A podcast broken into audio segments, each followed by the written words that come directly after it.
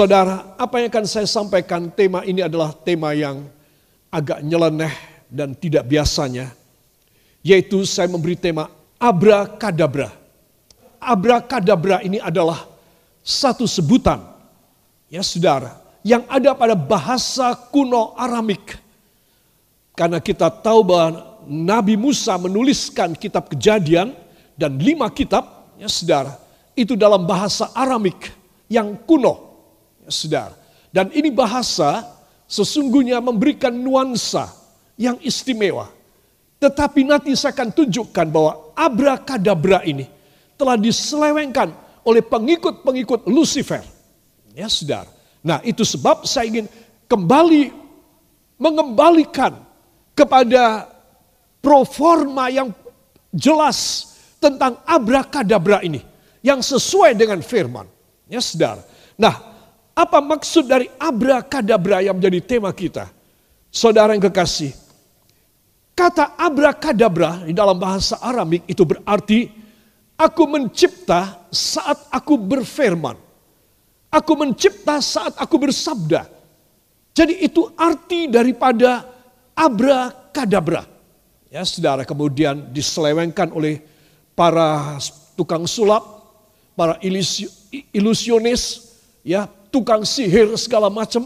Saudara, mereka itu menyontek firman dari Tuhan Ya, dari kata asli aku mencipta saat aku berfirman. I create as I speak. Ya, sabda Tuhan. Nah, itu yang akan kita periksa di dalam kitab Kejadian pasal 1 ayat 1 sampai 3. Sebentar kita akan membaca dari Alkitab kita masing-masing. Kita akan mendapat penjelasan dari kata abra kadabra ini. Mari dibuka dan kita akan membacanya. Kejadian pasal 1 ayat 1 sampai dengan ayat yang ketiga. Dengan suara yang nyaring di rumah saudara juga kita akan membaca bersama. Kita mulai dari judulnya. Satu, dua. Allah menciptakan langit dan bumi serta isinya. Pada mulanya Allah menciptakan langit dan bumi. Bumi belum berbentuk dan kosong. Gelap gulita menutupi samudera raya. Dan roh Allah melayang-layang di atas permukaan air. Berfirmanlah Allah, jadilah terang. Lalu terang itu jadi. Amin. Para kekasih, inilah ayat 3 di mana saya akan menjelaskan tentang berfirmanlah Allah. Ya sebenarnya disebutkan abra kadabra. Berfirmanlah Allah. Ya saudara, itu di dalam bahasa Inggris dituliskan maknanya I create as I speak. Aku mencipta ketika aku berfirman. Saudara. Dan ini penting sekali. Bayangin dari kitab kejadian pasal yang pertama, ayat-ayat pertama, Allah sudah menegaskan bahwa firmannya berkuasa dan dia bisa menciptakan dari tidak ada menjadi ada dan yang sudah ada dijadikan lebih baik. Jadi dari tidak ada menjadi ada dan yang berantakan yang chaos dan kosong. Ayat yang kedua tadi kita sudah baca ya saudara. Bumi belum berbentuk dan kosong, gelap gulita menguasai samudera raya. Saudara, satu keadaan yang chaos dan berantakan banget. Tetapi di situlah saudara, Tuhan mulai berfirman. Kalau dia berfirman, dia menciptakan. Semua katakan, bila Tuhan berfirman, dia menciptakan sesuatu yang baik, yaitu terang bagi saya. Yang percaya, beri tepuk tangan bagi dia. Haleluya. Sebab abrakadabra ini, ya, I create as I speak, let there be light. Biarlah ada terang. Ya, saudara. Semua katakan, biarlah ada terang. Terjadilah terang. Saudara, inilah.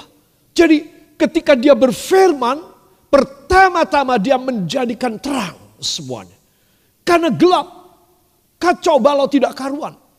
Jadi kalau setiap orang yang mendengar firman dan dia percaya kepada isi sabda Allah ini, maka dia harus yakin bahwa sebenarnya ketika dia percaya, dia mendengar dan dia percaya kepada firman, dia sedang diciptakan sesuatu di dalam hidupnya yang istimewa, yang bukan gelap, yang bukan abu-abu dan remang-remang, tetapi yang terang benderang.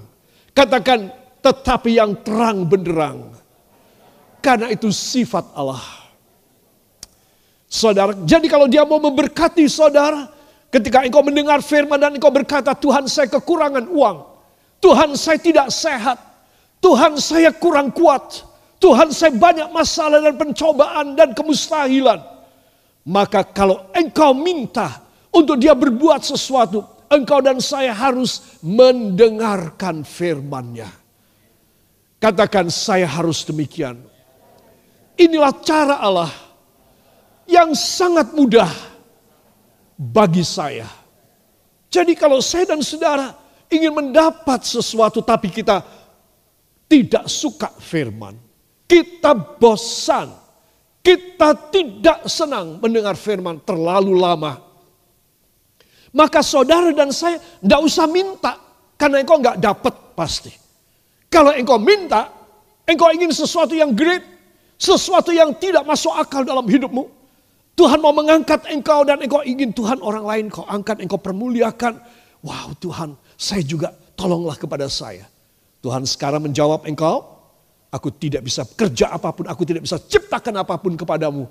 Hai anakku, sebelum engkau mendengar firmanku. Jadi firman yang saya sampaikan ini adalah firman yang penuh dengan kuasa, yaitu kuasa menciptakan segala yang tidak ada menjadi ada, semua yang berantakan menjadi bagus. Itu sebab Anda dan saya harus tahu apa maksud abrakadabra, yaitu let there be light. Biarlah ada terang. Katakan biarlah ada terang dalam hidup saya.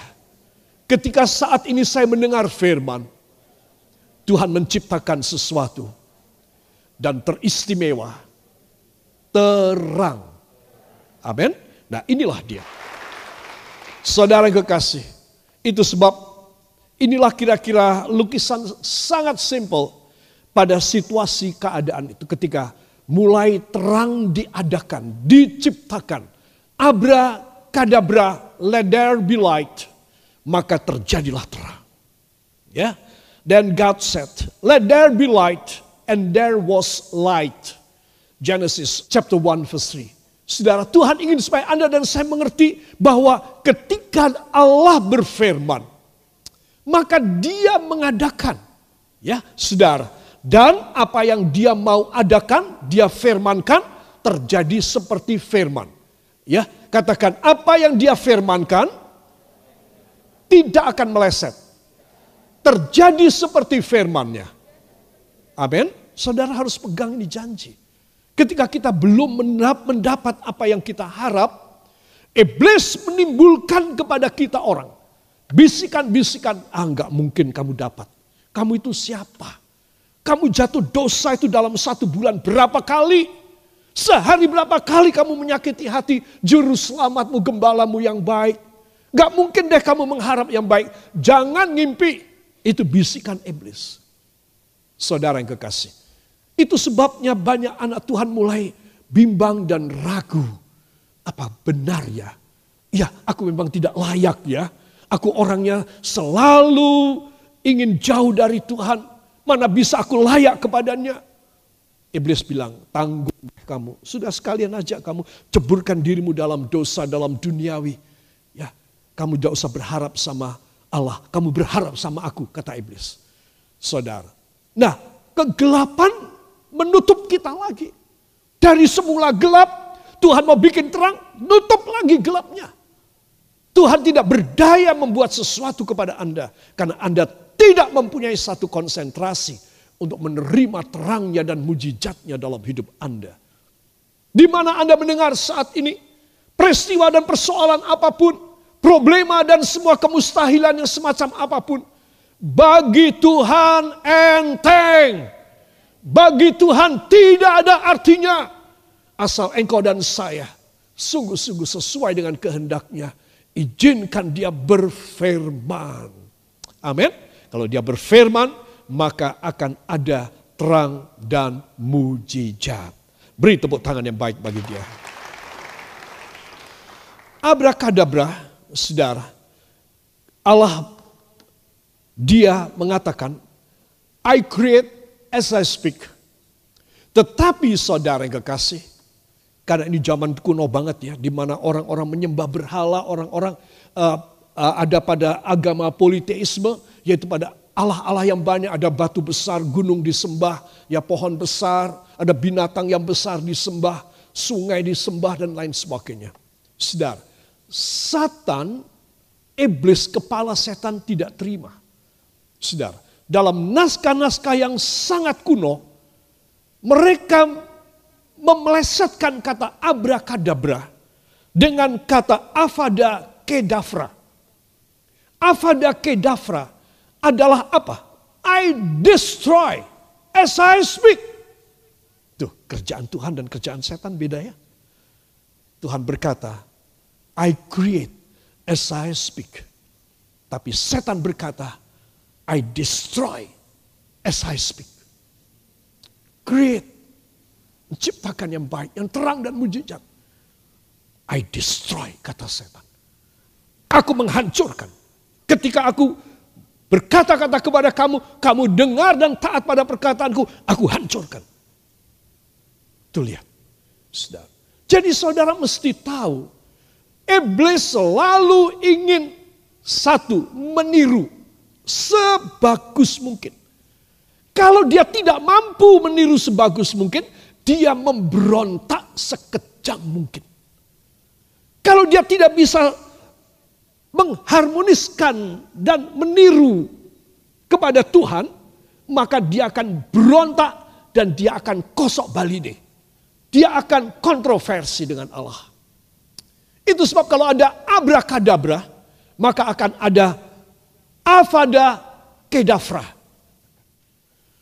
itu sebab Anda dan saya harus mengerti bahwa dari kitab kejadian saja sudah mulai nampak perlawanan dari Lucifer. Kalau Tuhan mau menyelamatkan sebanyak-banyaknya umat manusia, keturunan Adam dan Hawa yang telah jatuh dalam dosa, iblis gak terima. Aku mau menjatuhkan sebanyak-banyaknya umat manusia. Semua keturunan Adam dan Eva. Jadi saudara, Anda dan saya ini menjadi rebutan dari pihak Allah untuk keselamatan dan dari pihak iblis untuk destroying you, untuk menghancurkan Anda. Now the decision, a good and a wise decision, just only up to you and me.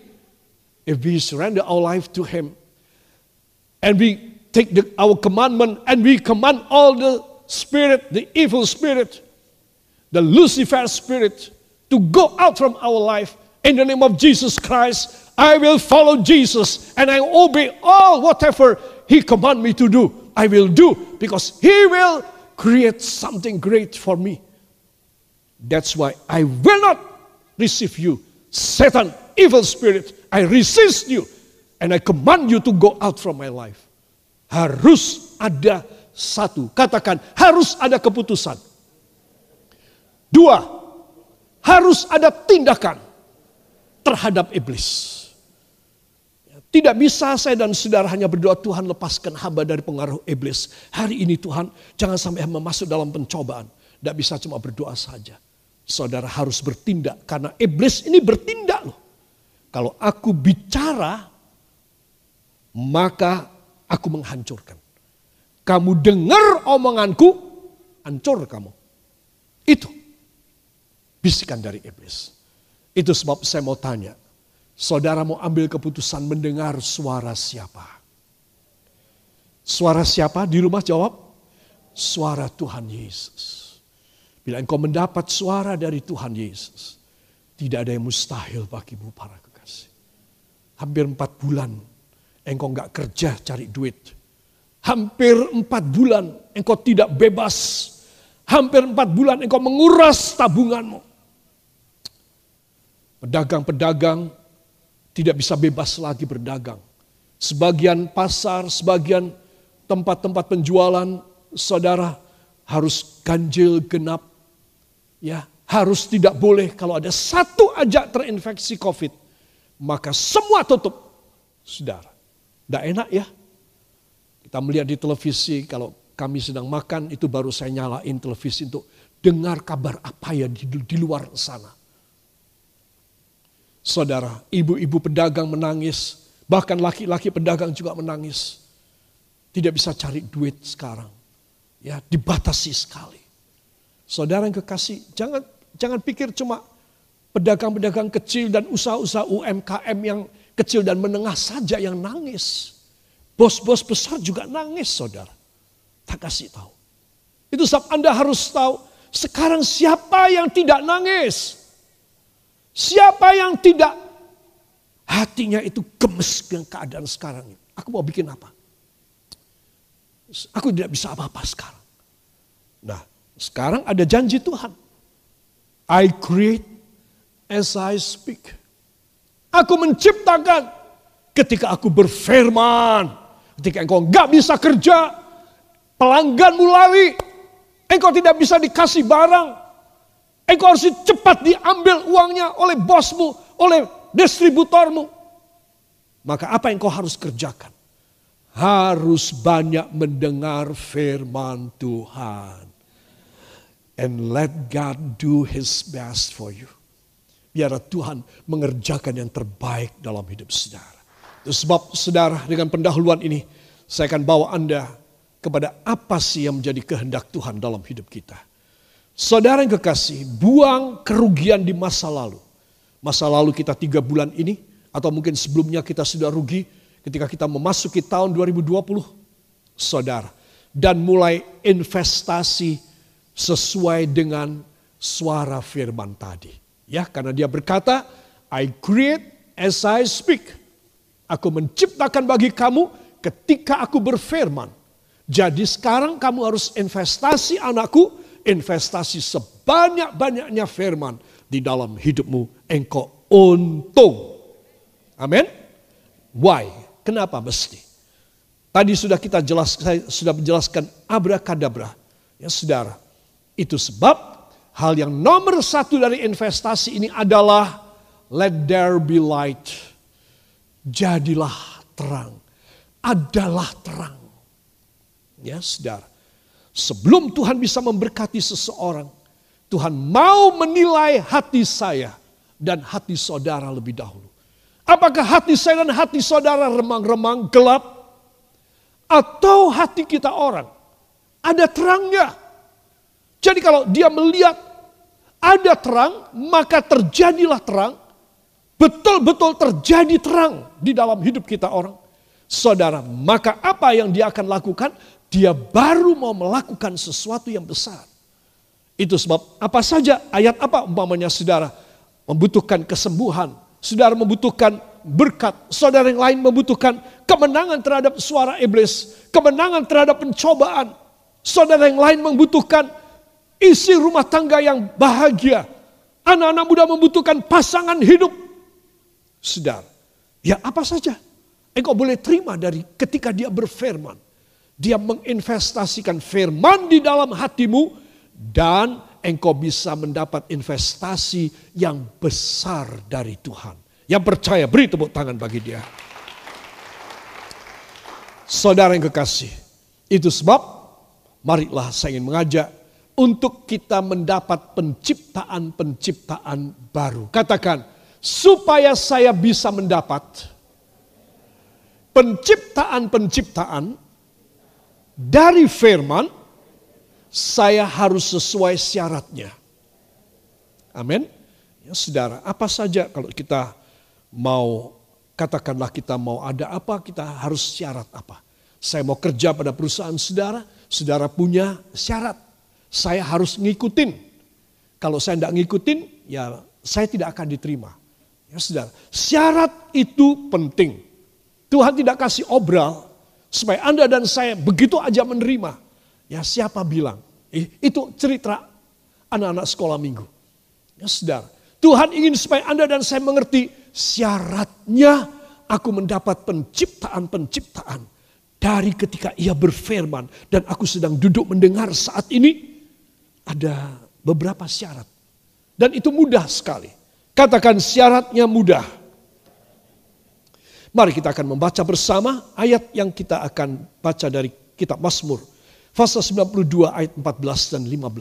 Satu, dua. Mereka yang ditanam di bait Tuhan akan bertunas di pelataran Allah kita. Pada masa tua pun mereka masih berbuah menjadi gemuk dan segar. Amin. Beri tepuk tangan bagi dia. Saudara yang kekasih, mereka yang ditanam di bait Tuhan. Kata ditanam itu satu investment, satu investasi. Saudara menanam modal kan? Nah, kita ditanam di pelataran halaman rumah Allah. Berarti saya harus punya, saya harus menanam modal. Ya, saudara, saya harus menginvestkan. Saudara, maka saya akan bertunas sampai masa tua. Tunas itu masa muda. Masa bakal, masa remaja, masa anak itu masa tunas. Sampai masa tua pun semua katakan dari muda sampai tua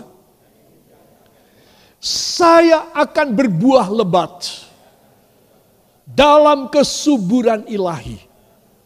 Amin. Tuh lihat. Ini perjanjian lama loh saudara. Tuhan sudah berjanji barang siapa mau ditanam di baitnya. Dia akan bertunas dan dia akan berbuah. Dan sampai tua pun ya dia masih berbuah. Katakan masih berbuah. Berarti sejak saya muda sampai saya meninggal, saya produktif berbuah lebat. Yang percaya, beri tepuk tangan bagi dia. Haleluya. Saudara yang kekasih, itu sebab saya akan mengajak saudara untuk membuka dalam ulangan fase 26 ayat 7, 8, dan 9. Dan saya undang kita semua bangkit berdiri dan kita akan membaca kitab ulangan fase yang ke-26 ayat 7 sampai 9. Kita akan baca. Satu, dua. Maka kami berseru kepada Tuhan Allah nenek moyang kami. Lalu Tuhan mendengar suara kami dan melihat kesengsaraan dan kesukaran kami dan penindasan terhadap kami. Lalu Tuhan membawa kami keluar dari Mesir dengan tangan yang kuat dan lengan yang teracung dengan kedahsyatan yang besar dan dengan tanda-tanda serta mujizat-mujizat. Ia membawa kami ke tempat ini dan memberikan kepada kami negeri ini, suatu negeri yang berlimpah-limpah susu dan madunya. Amin. Terima kasih. Silakan duduk kembali. Semua katakan luar biasa. Saudara, orang yang percaya pada perjanjian Tuhan itu bisa dapat yang luar biasa. Halo? Amin apa tidak? Iya. Jadi sekarang tergantung saya, tergantung saudara. Karena janji ini luar biasa banget. Dan sudah terbukti Tuhan kasih tunjuk bukti pertama adalah dia mengeluarkan bangsa budak Israel dari Mesir. Supaya apa? Ini menjadi contoh. Semua bangsa kagum dan heran jadi ketika mereka itu keluar dari Mesir, bangsa-bangsa sekitar mendengar kisahnya bahwa Tuhan itu menggocok bangsa Mesir dengan sepuluh malapetaka dan yang terakhir paling dahsyat yaitu anak sulung laki-laki pada mati semua baik manusia baik hewan. Dahsyat sekali. Itu raja-raja dan bangsa-bangsa sekitar mendengar lu saudara. Belum ada internet, saudara. Belum ada telekomunikasi, belum ada kabel. Saudara yang kekasih. Ini kisah kembali di review. Saudara dalam kitab ulangan makanya nama kitab ini adalah ulangan judulnya. Karena diulangi kembali semua mujizat dan riwayat historical daripada bangsa Israel ini. Ya, Maka kami berseru kepada Tuhan Allah nenek moyang kami lalu Tuhan mendengar suara kami dan melihat kesengsaraan dan kesukaran kami dan penindasan terhadap kami. Semua katakan bila saya berseru kepada Tuhan Yesus di tengah-tengah masalah dan penderitaan saya, di tengah-tengah wabah COVID ini, saya percaya Tuhan mendengarnya. Dan Tuhan mengabulkan permintaan saya. Yang percaya beri tepuk tangan bagi dia. Lalu Tuhan yang mendengar mengutus Musa dan Harun untuk membebaskan mereka. Ayat 8 luar biasa. Lalu Tuhan membawa kami keluar dari Mesir dengan tangan yang kuat. Katakan tangan Tuhan yang kuat, lengan Tuhan yang teracung, dengan kedahsyatan yang besar, dan dengan tanda-tanda, serta mujizat-mujizat. Siapa yang ingin mendapat ini, beri tepuk tangan bagi dia. Haleluya. Coba. Jadi saudara mesti tahu dengan kekuatan Allah yang dahsyat inilah maka terjadi sesuatu breakthrough yang hebat. Pantaslah banyak orang-orang pada mau mengikut bangsa Israel. Saudara yang kekasih, kita melihat ada tiga pokok dari hal ini. Yang pertama, Tuhan melihat sengsara, kesukaran, dan tindasan. Semua tidukan saya. Tuhan Allah pasti melihat segala kesengsaraan saya, tindasan saya, dan kesukaran saya. Jadi saudara mesti tahu, dia bukan cuma bisa bersabda bicara. Ya, abrakadabra. I create as a speak. Bukan cuma bicara, tetapi dia melihat Matanya mengawasi kita orang. Dia bukan tidak ngeliat, cuma dengar aja. Dia matanya melihat kepada saudara. Matanya melihat kepada saya. Kurang apa coba? Kita mempunyai Allah yang begitu hebat dan dahsyat. Ketika kita mengalami kesukaran, kita cuma bisa bilang Tuhan ini cuma sementara. Ini gak akan lama Tuhan. Engkau tahu selama sekian lama ini hamba punya keuangan merosot sekali. Ini tidak akan lama, engkau akan segera memberkati hamba luar biasa. Amin. Yang percaya angkat tangannya. Ya Bapak yang baik, COVID-19 mengajari kami sesuai dengan firman untuk kami mencari sabdamu, untuk memperhatikan perkataanmu, untuk kami menolak bisikan iblis, dan suara iblis yang hanya mendestroy kami, yang hanya menghancurkan kami dalam nama Yesus. Melalui teguran firman ini, kami tidak mau mendengar lagi bisikanmu, hai iblis, dalam nama Yesus. Aku hancurkan engkau, bukan engkau yang menghancurkan Aku yang menghancurkan engkau. Dalam nama Yesus. Dalam nama Yesus. Dalam nama Yesus. Beri tepuk tangan bagi dia.